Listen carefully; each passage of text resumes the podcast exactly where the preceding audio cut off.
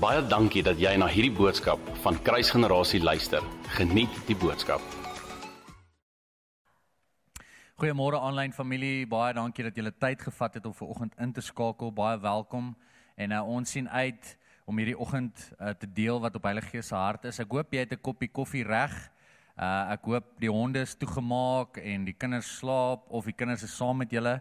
Uh, maar maak julle self gemaklik en um, ja, ons sien uit om hierdie tyd saam met julle te spandeer. Voor ons in die woord ingaan vir oggend, sommer net daar waar jy is, kom ons sluit sommer net die oë en kom ons raak sommer net bewus van sy teenwoordigheid.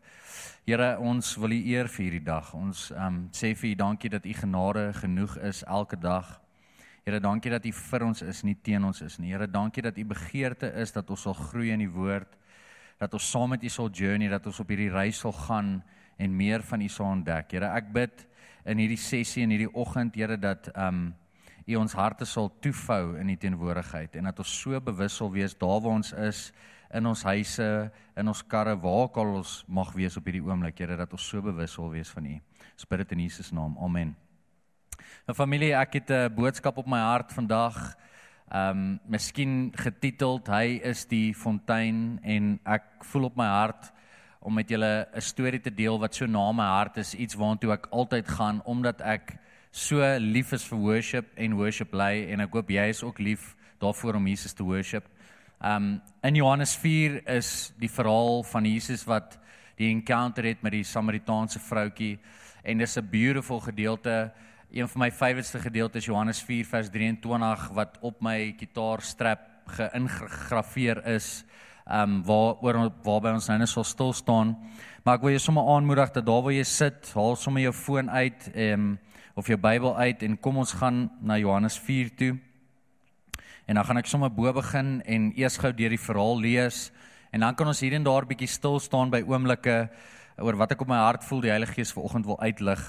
So ek gaan sommer by vers 1 begin. En julle is welkom te volg. Ek gaan lees uit die Afrikaanse Nuwe Lewende Vertaling uit. Jesus het uitgevind dat die Fariseërs gehoor het ehm um, dat hy meer disippels werf en doop as Johannes. Dus het hy Judea verlaat en weer na Galilea toe vertrek. Hy moes deur Samaria reis. Hy kom toe in 'n dorp in Samaria wat Sigar genoem word. Dit was naby die stuk grond wat Jakob aan sy seun Josef gegee het. Die put van Jakob was daar geleë. Ehm um, Jesus het toe omdat hy regtig uitgeput was van die reis sommer by die put gaan sit. Dit was omtrent 12:00 die middag. 'n Samaritaanse vrou kom toe daaraan om water te skep. Jesus vra vir haar: "Geef vir my asseblief water om te drink." Sy disippels was toe nog in die dorp om kos te gaan koop. Die Samaritaanse vrou sê toe vir hom: "Hoe ehm um, hoe op aarde vra jy wat 'n Jood is van my wat 'n Samaritaanse vrou is water om te drink?" Jode wou immers niks met Samaritane te doen hê nie. Jesus het daarop gereageer: As jy maar net hierdie gawe van God vir jou geken het en geweet het wie dit is wat vir jou vra, gee vir my water om te drink, sou jy hom gevra het en hy sou vir jou lewende water gegee het. Die vrou sê vir Jesus: "Meneer, jy het nie eers 'n skep ding nie en die put is diep. Van waar kry jy die lewende water?" Jy is beslis nie belangriker as ons vader Jakob wat hierdie put vir ons gegee het en selfs met sy seuns en sy diere daaruit gedrink het nie. Jesus antwoord haar: Elkeen wat van hierdie water drink, sal weer dors word. Wie egter van die water drink wat ek hom gee, sal nimmer as te nooit weer dors word nie. Die water wat ek vir hom sal gee, sal 'n fontein in hom word waarvan die water vir altyd sal opborrel. Die vrou sê toe vir hom: "Meneer, gee my van hierdie water sodat ek nie meer dors word en hierheen hoef te kom water om water te skep nie." Hy sê vir haar: "Gaan roep jou man en kom terug hiernatoe." Die vrou het dadelik gereageer: "Ek het nie 'n man nie." Jesus beamoed dit: "Jy het reg gesê. Um ek het nie 'n man nie, want jy het reeds 5 mans gehad en die een som wie jy nou is is eintlik ook nie 'n man nie. Dit wat jy gesê het is die waarheid." Die vrou sê vir hom: Meneer, ek sien dat u 'n profeet is. Ons voorouers het op hierdie berg aanbid. Maar Jesus, uh, maar julle sê die plek waar 'n mens moet aanbid is in Jerusalem. Jesus merk toe op en sê vir haar: "Glo my vrou, daar kom 'n tyd wanneer julle die Vader nie op hierdie berg en ook nie in Jerusalem sal aanbid nie." Ehm um, Ekskuus, ja, ek kon die uh ek het hom nou gemis hierso. En reeds, okay, daar kom egter 'n tyd en dit het reeds aangebreek wanneer die egte aanbidders die Vader vanuit 'n hegte verhouding met die Gees en in waarheid sal aanbid, want die Vader verkies dit dat mense hom so aanbid. Dis was nou 'n lang gedeelte, maar dit is 'n profound profound verhaal en baie keer in die begin ehm um, in van die ander vertalings sê dit dat Jesus kon enige ander pad gevat het na Galilea toe, maar hy het besluit en hy het vir sy disippels gesê ons gaan deur Samaria gaan want hy het 'n afspraak gehad met 'n spesifieke vroutjie soos wat ons nou gelees het. Wat so profound is en wat uitstaan in die eerste uh eerste skrifgedeeltjie wat ek vir julle wil uithaal. Um is waar Jesus haar antwoord en hy sê as jy maar net hierdie gawe van God vir jou geken het en geweet het wie dit is wat vir jou vra. Geliefde, hoeveel keer in ons journey staan Jesus reg voor ons of praat hy deur iemand of praat hy deur 'n billboard of praat hy deur 'n skrifgedeelte en ons is nog steeds nie bewus van die feit dat hy die een is wat met ons praat nie. Ek het daar agtergekom my eie lewe baie keer as ek moet voorberei vir 'n boodskap dalk soos ver oggend. Ehm um, kom mens baie keer so 'n rad veral in bediening dat jy die Bybel oopmaak en jy lees die Bybel met die wete dat jy soek 'n woord. Jy soek 'n woord om mense mee te seën. Jy soek 'n woord om mense mee te bless. So die gevaar van dit is Jesus homself is besig om deur die skrifte met my te praat, maar omdat my kop klaar is by 'n bedieningsgeleentheid, mis ek eintlik dat die woord of dit wat ek lees daai oggend is actually eerste vir my. En ek onthou in my hart dit is iets wat ek myself moes train in om te sê Here as ek die Bybel oopmaak of as iemand met my gesels dat ek eerste die skrif of daai woord vir myself sal vat. Here dat U eers met my praat. Hoeveel keer in die skrifte hoor ons nie dat ehm um, dat daar staan geskrywe wanneer God vandag met jou praat, moenie jou hart verhard nie. En geliefde, daar waar jy sit of staan of na hierdie boodskap luister, wil ek vir jou vra vandag dat wanneer die Here met jou praat, wanneer hy deur sy gees vandag vir jou 'n uitnodiging bring, moenie jou hart verhard nie. Moenie mis wat hy vandag vir jou wil sê nie. Dan vanaf vers 11 tot 14 is dit so mooi. Die vrou sê vir Jesus: "Meneer, jy het nie eers 'n skepding nie en die put is diep. Van waar kry jy jou le jou lewende water? Jy is beslis nie belangriker as ons vader Jakob, um, wat hierdie put vir ons gegee het en self saam met sy seuns en sy diere daaruit gedrink het." En Jesus antwoord haar: "Elkeen wat van hierdie water drink, sal nie sal weer dors word. Wie egter van die water drink wat ek hom gee, sal nimmer de nooit weer dors word nie. Dis belangrik dat elkeen van ons vandag sal besef dat ons siel was deur God ontwerp of ons siel, our soul was created by the Lord to be satisfied. Ons siel was gemaak um vir plesier in 'n sekere sin. Maar hier's die ding is ons siel is hoofsaaklik gemaak om deur hom ons Skepper bevredig te word. En dit is so profound in hierdie gedeelte um waar Jesus die ewige fontein, die fontein van lewende water kom sit op 'n mensgemaakte put. So wat verteenwoordig Jacob's well? Wat verteenwoordig hierdie put? Ek weet nie of jy al agtergekom het nie dat sy sy maak actually die verklaring terwyl Jesus voor haar staan sê sy vir hom um jy is beslis nie belangriker as ons vader Jakob nie. Ek weet nie geliefde van jou nie, maar miskien kan jy onthou dat daar was 'n tyd in jou lewe wat jy dalk ook daai verklaring gemaak het. Omdat jou siel nog nie aan hom behoort het nie, omdat jou siel soekend was en omdat jy ges, na na ander fonteine en ander dinge gesoek het om jou siel te bevredig. Het jy deur die manier hoe jy gelewe het, deur die manier hoe jy gepraat het, deur die manier hoe jy gedink het, het jy 'n verklaring gemaak en gesê maar Jesus is nie belangriker as al hierdie goed waar um, wat ek najag nie. Is dit nie crazy om te dink dat sy nie in daai oomblik besef wie voor haar staan nie? En sy maak daai verklaring. So Jacob's well of die put van Jakob verteenwoordig letterlik in hierdie storie die die mens, die mensgemaakte stelsels, die ander fonteine of die ander beperkte goed waar wat ons najag, wat ons dink ons siele gaan bevredig. Net soos wat hierdie vroutjie elke dag gegaan het, elke oggend om water te skep uit hierdie put uit. is dit 'n ding wat sy elke dag moes doen. Want soos wat hy hier spreek, sê hy dat solank as wat jy van hierdie water drink, sal jy altyd dors word. So die put van Jakob verteenwoordig letterlik die ander dinge in ons lewens.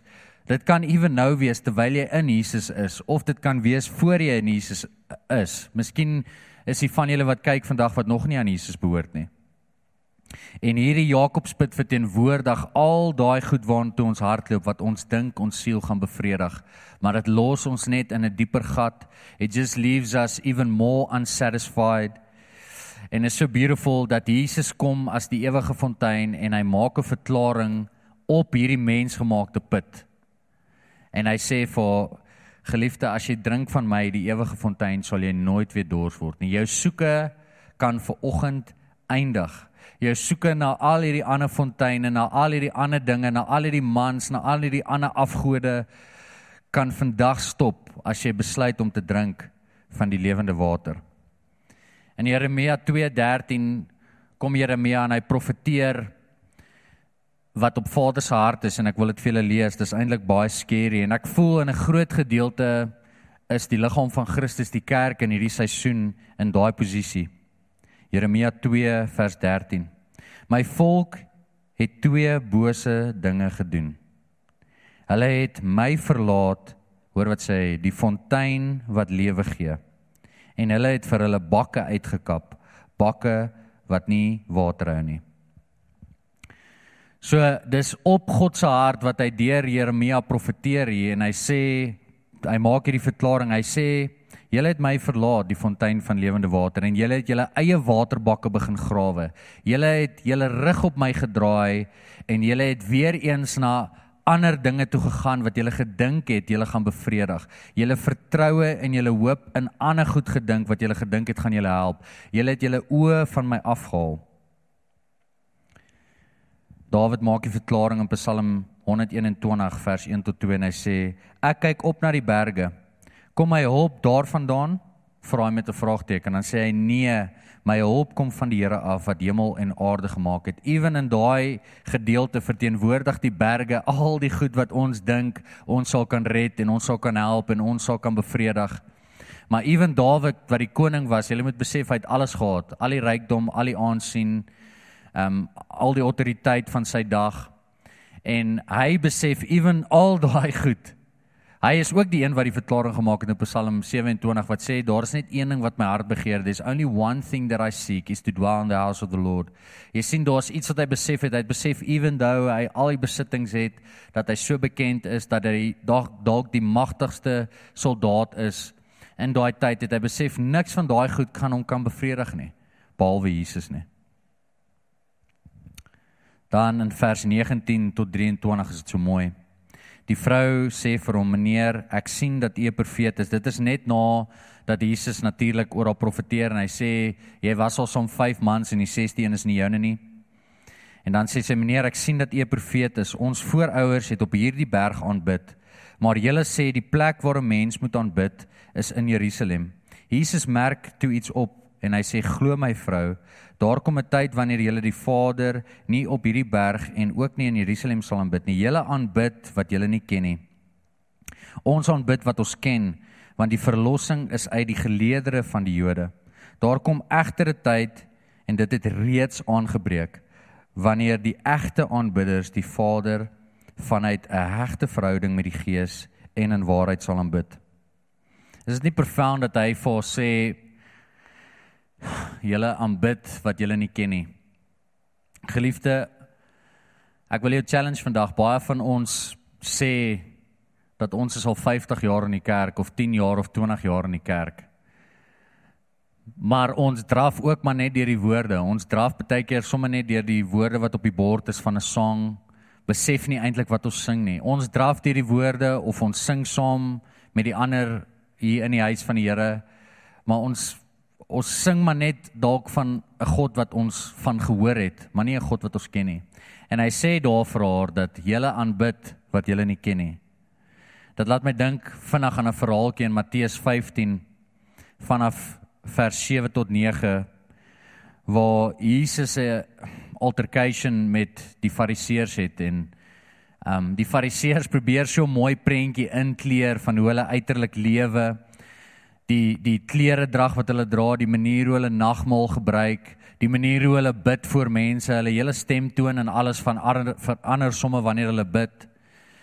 So van buitekant af lyk dit vir baie waar hulle loop, lyk dit of hulle so hoog heilig is. Dit lyk of hulle so naby aan God lewe deur hulle uh godsdienstige rituele. Maar Jesus encounter hulle in Matteus 15. Jy kan dit gaan lees en hy kyk reg deur hulle.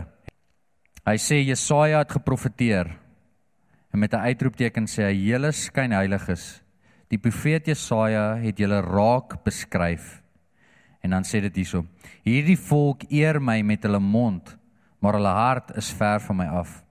Hulle godsdiens is blote skyn, want hulle hou menslike voorskrifte voor as wette van God. So dit lyk so asof deur hulle leefstyl wat ons weet eintlik die ultimate vorm van aanbidding is. Dit lyk so deur hulle leefstyl asof hulle hom werklik diep intiem ken. Maar Jesus kom hier en hy sê dat al hierdie hierdie hele manier wat julle vir die mense probeer wys hoe julle leef is alles lippetaal. Julle harte is nie invested nie. Julle aanbid 'n God wat julle van gehoor het, miskien deur julle studies en as gevolg van julle godsdienstige tradisies deur generasies. Aanbid julle 'n God waarvan julle weet. En ek sê dit altyd um ons glo baie maklik die bekende Jacaranda liedjie wat sê from a distance God is watching us, een van daai gewilde treffers. Maar as ons maar net kan onthou dat God 'n belofte gee dat hy sê dat hy is Immanuel, God by ons elke dag. Dat hy is daai een wat naby ons wil wees. Dat dit gaan nie net oor om hom diep te ken nie, maar dat hy ons wil diep ken, dat hy ons intiem wil leer ken. En dis amazing as mens besef, geliefde, ek wil vir jou vandag sê, dit is onmoontlik dat as jy Jesus diep ken en intiem ken, is dit onmoontlik dat jou lewe nie sal verander nie. Dit is onmoontlik dat jy deur jou leefstyl, deur jou praat, deur jou denkwyse in 'n gebroke wêreld daar buite gaan dit onmoontlik wees om nie verander te kan wys wie hy is nie. If you truly truly truly encounter him. Dan in daai gedeelte praat hy van dat die tyd het aange uh, het aangebreek dat hulle my in gees en in waarheid sal aanbid en ek wil vinnig net gou daarby stil staan. Wat 'n voorreg is dit nie dat ons enige plek Jesus kan encounter nie. Wat 'n voorreg is dit nie dat ons in 'n oomblik ons oë kan toemaak in die woestyn, in die kar, in die kerk, by die huis en in 'n oomblik kan ons bewus wees van hom. Jesus kom en hy sê vir sy disippels: "Ek gaan vir julle 'n plek voorberei by my Vader, maar ek stuur vir julle die Helper. Ek stuur vir julle die een wat julle alles sal leer." Nou geliefde, jy moet verstaan, Jesus kon daar enigiets gesê het. Hy kon gesê het ek stuur vir julle sewe geeste, kies een. En loop saam met daai een. Maar hy sê daar is net een wat ek stuur. En ek moet vir jou sê vandag dat die Heilige Gees vorm deel van die drie eenheid. Die Heilige Gees, Jesus en die Vader is so intiem. Hulle is so close, hulle is so een. En ek dink baie keer is die konsep van die Heilige Gees vir, vir ons vreemd, maar ek wil vir jou sê dat hy is die persoon. Hy is die persoon die Heilige Gees. Ek het my taal en my denkwyse rondom hom begin verander as ek aan hom dink dat ek nie meer sê hy is die Heilige Gees nie, maar hy is Heilige Gees. Hy is die een naby my. Die funksie van die Heilige Gees is dat hy konstant vir ons wys wie Jesus is in elke situasie. As Jesus gesê het dat ek stuur vir julle die een, die Helper, die Heilige Gees om julle te help, Dink julle nie dit is belangrik van kardinale belang dat as hy wat die Heilige Gees is die middel is tot Jesus en die Vader. Dink julle nie dit is nogal belangrik dat ons onder sy leiding inkom nie. Dink julle nie dit is nogal belangrik dat ons hom spasie gee in ons lewens nie. Dink julle nie dit is belangrik dat ons verlief raak op daai helper nie wat vir ons konstant wys hoe om goed te doen. Jesus sê daar dat deur en in die gees sal jy alles skryf wat jy nodig het. So wat beteken alles? Alles beteken alles. Hoe om 'n ma te wees, hoe om 'n pastoor te wees, hoe om 'n trokdrywer te wees, alles wat jy nodig het. Hoe om te worship, alles kan jy vind op een plek. So geliefde, ek ja, ek wil jou challenge en myself challenge op die een. Kom ons maak spasie vir hom. Kom ons raak verlief op hom. Kom ons maak hom ons vriend en ons praat nie met hom asof hy hierdie vreemde fluffy Holy Ghost is nie, maar dat hy die persoon Heilige Gees is wat in en deur ons beweeg. Deur die Gees is ons permanent verbind met Jesus en die Vader en kan ons hom van enige plek af op die aardbol aanbid. Is dit nie profound nie? As ons daai benefit het en ons het daai voordeel as kinders van die Here om enige oomblik te access, hoekom doen ons dit nie? Dan in waarheid is dit so mooi, ek het dit aangeraak. Ehm um, dat die Heilige Gees se funksie is is om konstant vir ons te wys hoe Jesus lyk, hoe Jesus sou optree. Hy is ons helper om vir ons te wys hoe Jesus lyk. Ek dink aan die verhaal in Matteus 16. En uh, ek verduidelik altyd vir mense hierdie scenario waar ek weet baie mense sien Jesus as die een met die geblou hyf hare en die wit kleed wat almal so saggies opsweep. En ja, dit is definitief 'n deel van hom. Maar ek beleef hom as ek na hom kyk en my oë toe maak as hierdie rugged Joodse man wat 'n snoekie saam met die disippels gebraai het op die strand. Hulle het 'n paar grappies gemaak, glo dit of nie. En ehm um, ek sien amper dat die ligging so is en in Matteus 16 het Jesus 'n casual gesprek met die disippels. En dit is asof hy amper vir hulle sê, "Boys, ek wil gou by julle iets hoor. Daar waar ons beweeg deur die dorpies, wie sê hulle is ek?" En ons almal ken die verhaal so goed dat die disippels antwoord. Hulle sê, "U is Johannes die Doper en hierdie profeet en so gaan hulle deur die name en die atmosfeer is nog casual en rustig en is asof in 'n oomblik die volgende vraag die atmosfeer bietjie meer ernstig maak en hy vra vir hulle die vraag, "Oké, okay, alles goed en wel, maar wie sê julle is ek?" En geliefde, vandag wil ek jou vra, kan jy daai vraag antwoord? En as jy hom moet antwoord, hoe sal dit klink? Wie sal jy sê is Jesus vir jou?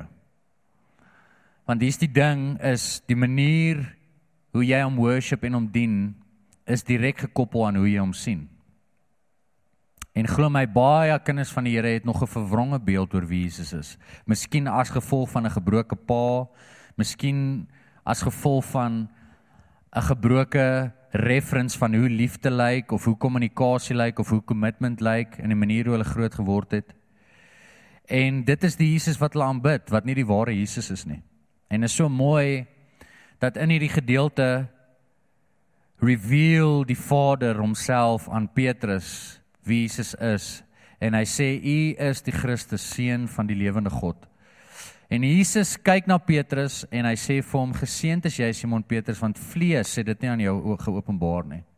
Jy moet een ding onthou, een ding onthou, net soos die Fariseërs is dit maklik vir ons om 'n tipe openbaring van die vlees af te kry oor wie Jesus is.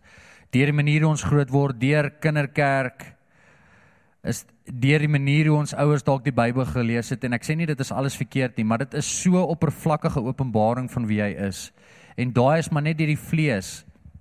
Maar Petrus kry direk deur die gees van God 'n openbaring oor wie Jesus is. En ek kan net imagine dat die oomblik toe Petrus daai openbaring gekry het, alhoewel hy vir 'n lang tyd al saam Jesus geloop het, het hy anders na Jesus gekyk want die Heilige Gees het deur die Vader iets aan hom geopenbaar oor wie Jesus is wat nie een van hulle dalk al ooit gehoor het of gesien het nie en selfs hy. En weet julle wat so profound in daai gedeelte sê Jesus vir hom op hierdie openbaring sal ek my kerk bou. Geliefde, ek wil vir jou sê as jy wil groei in die Here in, as jy wil groei in God in van 'n kind af na 'n seun van God toe, is daar een fondasie waarop God bou en dit is die enigste fondasie waarop hy bou is op die ware openbaring van wie Jesus Christus is.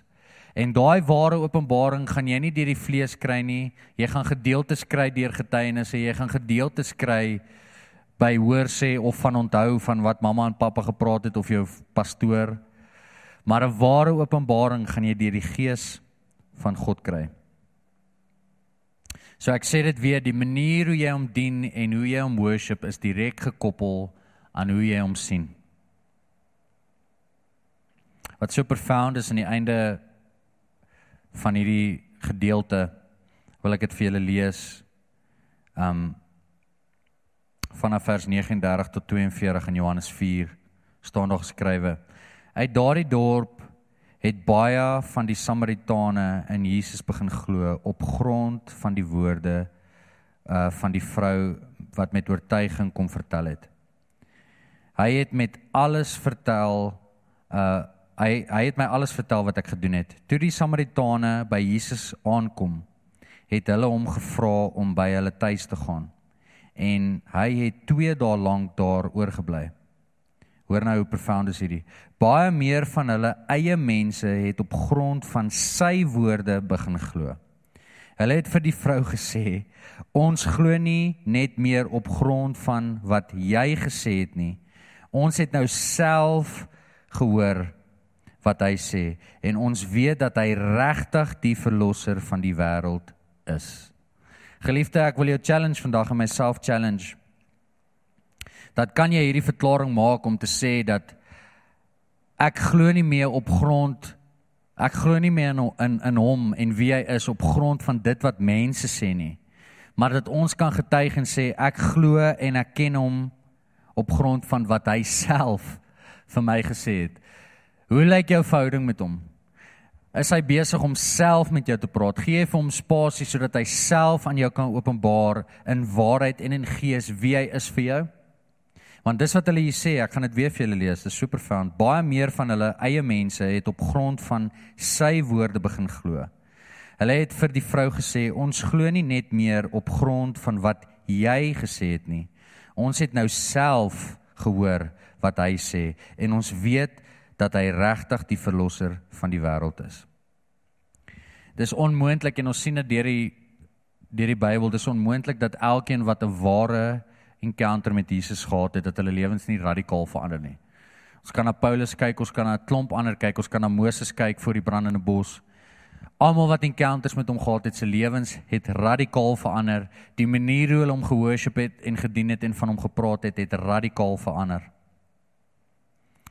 En Johannes 7 is dit so mooi dit sê die wat in hom glo in Jesus Christus strome van lewende water sal uit hulle binnekant uitvloei uit uitvloei hy homself die die ewige fontein, nie 'n mensgemaakte fontein nie, nie 'n 'n 'n Jakobsput nie, nie 'n mensgemaakte stelsel nie, nie 'n mensgemaakte verlosser nie, maar hy self Jesus Christus, die fontein van lewende water sal uit ons binnekant uitvloei.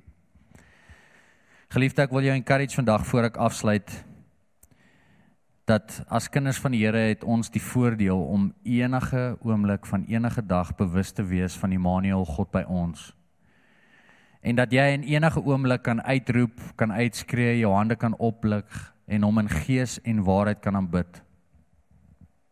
Dat jy sal besef dat die Heilige Gees is jou vriend, die Heilige Gees help jou sodat jou lewe as 'n lewendige offer op die altaar sal kan getuig dat jy aan hom behoort. Hoe anders sal daai worship nie lyk nie? Dink by jouself soos wat jy daar sit of staan.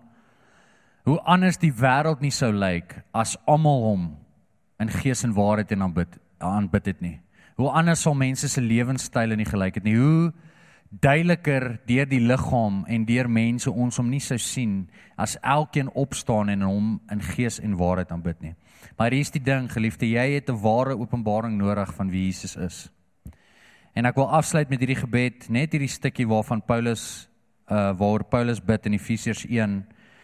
En dis 'n profound gebed wat hy bid en is iets wat ek elke dag probeer oor myself bid sodat ek Jesus akkuraat kan sien. Jy moet verstaan dat die skrif sê in die laaste dae sal daar valse profete kom. Daar sal die wees wat getuig en sê dat ek is Jesus. Daar sal valse doktrines in die kerk en kom daar sal 'n klomp goed gebeur. Dink jy nie dit is belangrik dat jy werklik weet in jou hart wie hy is nie? Want as jy vashou aan daai openbaring wie hy is, sal jou lewe ook nie konform nie. The ways you worship and the way you live within a dark broken world will not conform. Dit sal nie conform to the cultures of this world nie, maar jy sal konstant op die altaar wees want jy ken werklik die een wat jou geskaap het en wat jou verlos het en wat deur jou vloei. So ek wil jou vra geliefde dat daar waar jy sit of staan net vir 'n oomblik jou oë toe maak en dan gaan ek vir ons afsluit met 'n gebed. En dan gaan begin met Paulus se gebed en dan sommer net gaan soos wat die Gees lei. So maak sommer net jou oë toe daar waar jy is. Here, ek wil kom bid in hierdie oggend dit wat Paulus gebid het vir die kerk van Efesiërs. Dat die God van ons Here Jesus Christus, die Vader aan wie al die heerlikheid behoort, aan ons elkeen geestelike wysheid en insig sal gee deurdat julle hom persoonlik sal ken. Here ek bid dit dat dat U ons geestelike wysheid en insig deur die Gees sal gee sodat ons Jesus Christus, die een wie U gestuur het, werklik sal ken. Here, ek bid dat deur dat ons spasie in ons lewe sal gee dat die Heilige Gees deur ons sal vloei. Dat die Heilige Gees ons sal help om meer soos Jesus te lyk. Dat die Heilige Gees ons sal help om nie te conform to the patterns of this world nie, maar dat ons meer en meer in heerlikheid sal getransformeer word om soos U te lyk. Here, ek bid dat die Heilige Gees ons sal help om al ons afgode, al ons mensgemaakte strukture, dit waarop ons vertrou, ewen mens homself. Here, ek ervaar dis mense wat kyk wat so wat se oë so gefestig is op op mens. Ewen dalk kerkleiers wat of jonger leiers wat wat kyk na na ouer kerkleiers of ervare kerkleiers en sê hulle moet my spasie gee, hulle moet my platform gee. Here bid ek dat al daai Jakobspitte waarna toe ons hardloop, wat ons dink ons gaan bevredig, wat ons dink ons drome gaan waarmaak. Dat ons daai goed sal neerlê by u voete. Here, ek bid vir ons elkeen dat u wat die ewige fontein is, op daai Jakobspitte sal kom sit in ons lewens. En dat dit soos wat hulle in Engels sê dat you will nullify it, Here, dat dit geen effek op ons sal hê nie en dat u wat die lewende water is, ons dors sal kom les dat Here U sê in die skrif dat as ons van U drink sal ons nooit weer dors word nie. Ons soeke sal stop. Ons soeke sal onmiddellik stop. Here, ons wil verklaar vandag dat U daai fontein is. Ons wil verklaar dat ons van U wil drink. Ons wil verklaar dat ons net van U wil skep. Ons wil nie soos wat in Jeremia 2 staan, ons eie waterbakke grawe, ons eie planne maak, ons eie drome probeer waarmaak, ons eie siel probeer bevredig deur dinge van hierdie wêreld nie. Ons gaan net bevind word op 'n plek wat ons dieper is in 'n gat, dieper is en nog meer verlore is, meer depressief is, nog meer op 'n soeke is.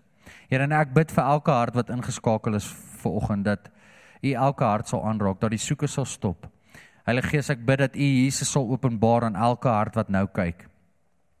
Here, ek bid ook dat U aan elke hart en wat nou kyk, elke persoon wat nou ingeskakel het, Here, dat U sal kom reveal wat daai goed is waarop harte hulle lewens begin bou het en begin op staat maak het.